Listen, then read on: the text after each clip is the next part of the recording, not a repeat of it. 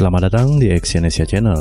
Kali ini saya akan membacakan salah satu artikel dengan judul 6 tips hidup sederhana yang gak akan mengecewakanmu. Seni menjalani hidup adalah keterampilan yang cukup sulit untuk dikuasai. Oleh karena itu, kebanyakan dari kita berpaling pada buku-buku yang bergenre pengembangan diri atau spiritual untuk menuntun kehidupan kita. Di dalam audio artikel ini, saya akan memberitahumu 6 tips sederhana yang secara universal berlaku bagi kehidupan kita sehari-hari. Dan hasilnya tidak akan mengecewakan jika kita mau mengaplikasikannya ke dalam kehidupan kita sehari-hari. Yang pertama adalah jujur pada dirimu sendiri. Pernahkah kamu bertanya, apa sih yang diperlukan untuk menjadi orang yang dewasa? Membayar semua tagihan kebutuhan rumah dan bertanggung jawab atas kehidupanmu tampaknya merupakan jawaban yang umum.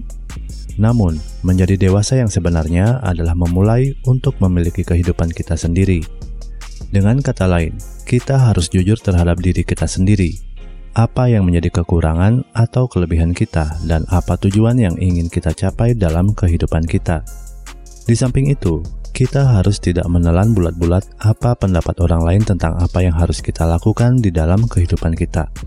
Mungkin apa yang orang lain katakan tentang hidup kita akan lebih baik kita jadikan sebagai bahan pertimbangan, bukannya sebagai acuan dan landasan hidup kita. Sekali kita mampu untuk jujur terhadap diri kita, maka kita akan mampu hidup dengan baik dan tidak merasa terkekang dan tidak berdaya dalam kehidupan kita sendiri. Namun perlu diingat, Menjadi seseorang yang dewasa dengan jalan ini memerlukan waktu. Oleh karena itu, jalani hidup dengan jujur terhadap diri kita sendiri dan jangan terburu-buru agar kita mampu untuk memahami diri kita sendiri dan menentukan apa yang benar-benar terbaik untuk hidup kita dan orang yang kita cintai. Yang kedua, kesehatan harus menjadi prioritas utama. Kita harus jujur bagaimana tingkat kestresan kita telah mengganggu kondisi kesehatan kita berulang kali mulai dari kurangnya waktu tidur kita, hilangnya nafsu makan kita, ataupun sebaliknya, dan memulai kebiasaan yang tidak baik untuk kesehatan badan kita. Stres dapat membuat kita melakukan hal-hal yang membuat kesehatan kita menjadi memburuk. Namun kabar baiknya, saat ini kita dapat mendapatkan informasi tentang gaya hidup yang baik dan bagaimana cara mengatur kesehatan kita dengan mudah melalui internet. Ambil saja contoh dengan Instagram atau Facebook. Di sana banyak sekali informasi kesehatan dan tips sederhana yang dapat kita aplikasikan langsung dalam kehidupan kita. Jadi, tidak ada alasan bahwa menjadi sehat itu mahal dan sulit. Yang keempat, belajar untuk memaafkan secara ikhlas. Menyimpan rasa dendam dalam hati hanya akan merusak kesehatan dan hubungan, baik dengan orang lain dan juga dengan diri kita sendiri. Belajarlah untuk menerima kekurangan diri kita dan orang lain, yang mana akan membuat diri kita menjadi manusia yang lebih baik. Kita akan menjadi pribadi yang lebih empati, dan juga akan dapat belajar menerima diri kita dan orang lain apa adanya. Dengan memaafkan apa yang menjadi kekurangan diri kita dan orang lain, akan membuat kebiasaan yang lebih sehat, yang mana akan mendukung poin sebelumnya, yaitu menjadikan kesehatan prioritas utama dalam hidup kita. Yang keempat, jangan terlalu memasukkan opini orang lain dalam hati Poin ini berhubungan dengan poin pertama kita, yaitu menjadi autentik di dalam kehidupan kita sendiri dan mencapai kehidupan yang kita inginkan. Kebanyakan dari kita akan merasa bersalah saat membantah atau menolak apa opini yang diutarakan kepada kita. Kita takut untuk membuat orang lain tersinggung dan menjauhi kita. Namun, perlu kita ingat pula, opini yang diutarakan oleh orang lain terhadap kita merupakan hasil dari nilai-nilai yang mereka miliki dan alami di dalam kehidupan mereka sendiri. Sebagai manusia, kita diberikan kemampuan untuk menyaring apa saja informasi yang kita dapatkan dari sekitar kita. Selanjutnya, kita akan menggunakan apa yang baik untuk kita dan apa yang tidak cocok dengan kehidupan kita. Jadi, berikan kesempatan untuk orang lain beropini, lalu pilih apa saja yang rasa kita baik dan apa saja yang perlu kita abaikan.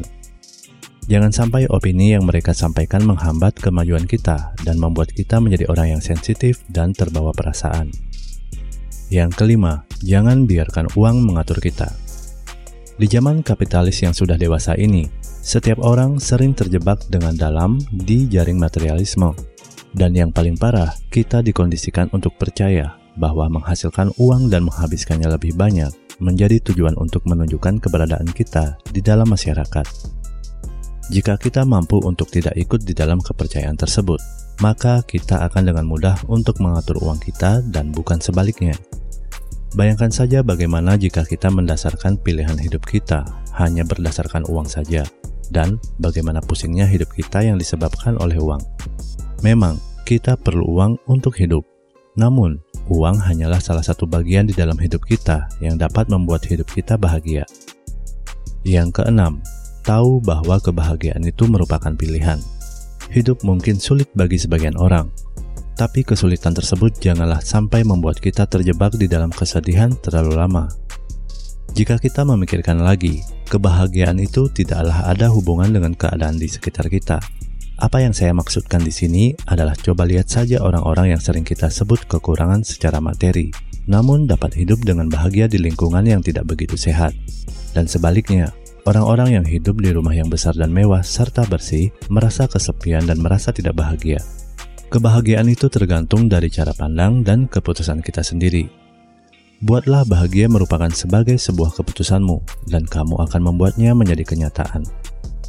Kesimpulan, kita semua menginginkan hidup yang bermakna dan bahagia, tapi keinginan yang sederhana ini tidak datang dengan mudah ke dalam kehidupan orang banyak.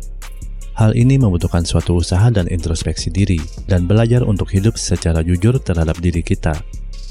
Terima kasih telah mendengarkan audio artikel ini. Semoga apa yang saya sampaikan di dalam audio artikel ini dapat bermanfaat bagi kalian. Tetap semangat dan salam sukses.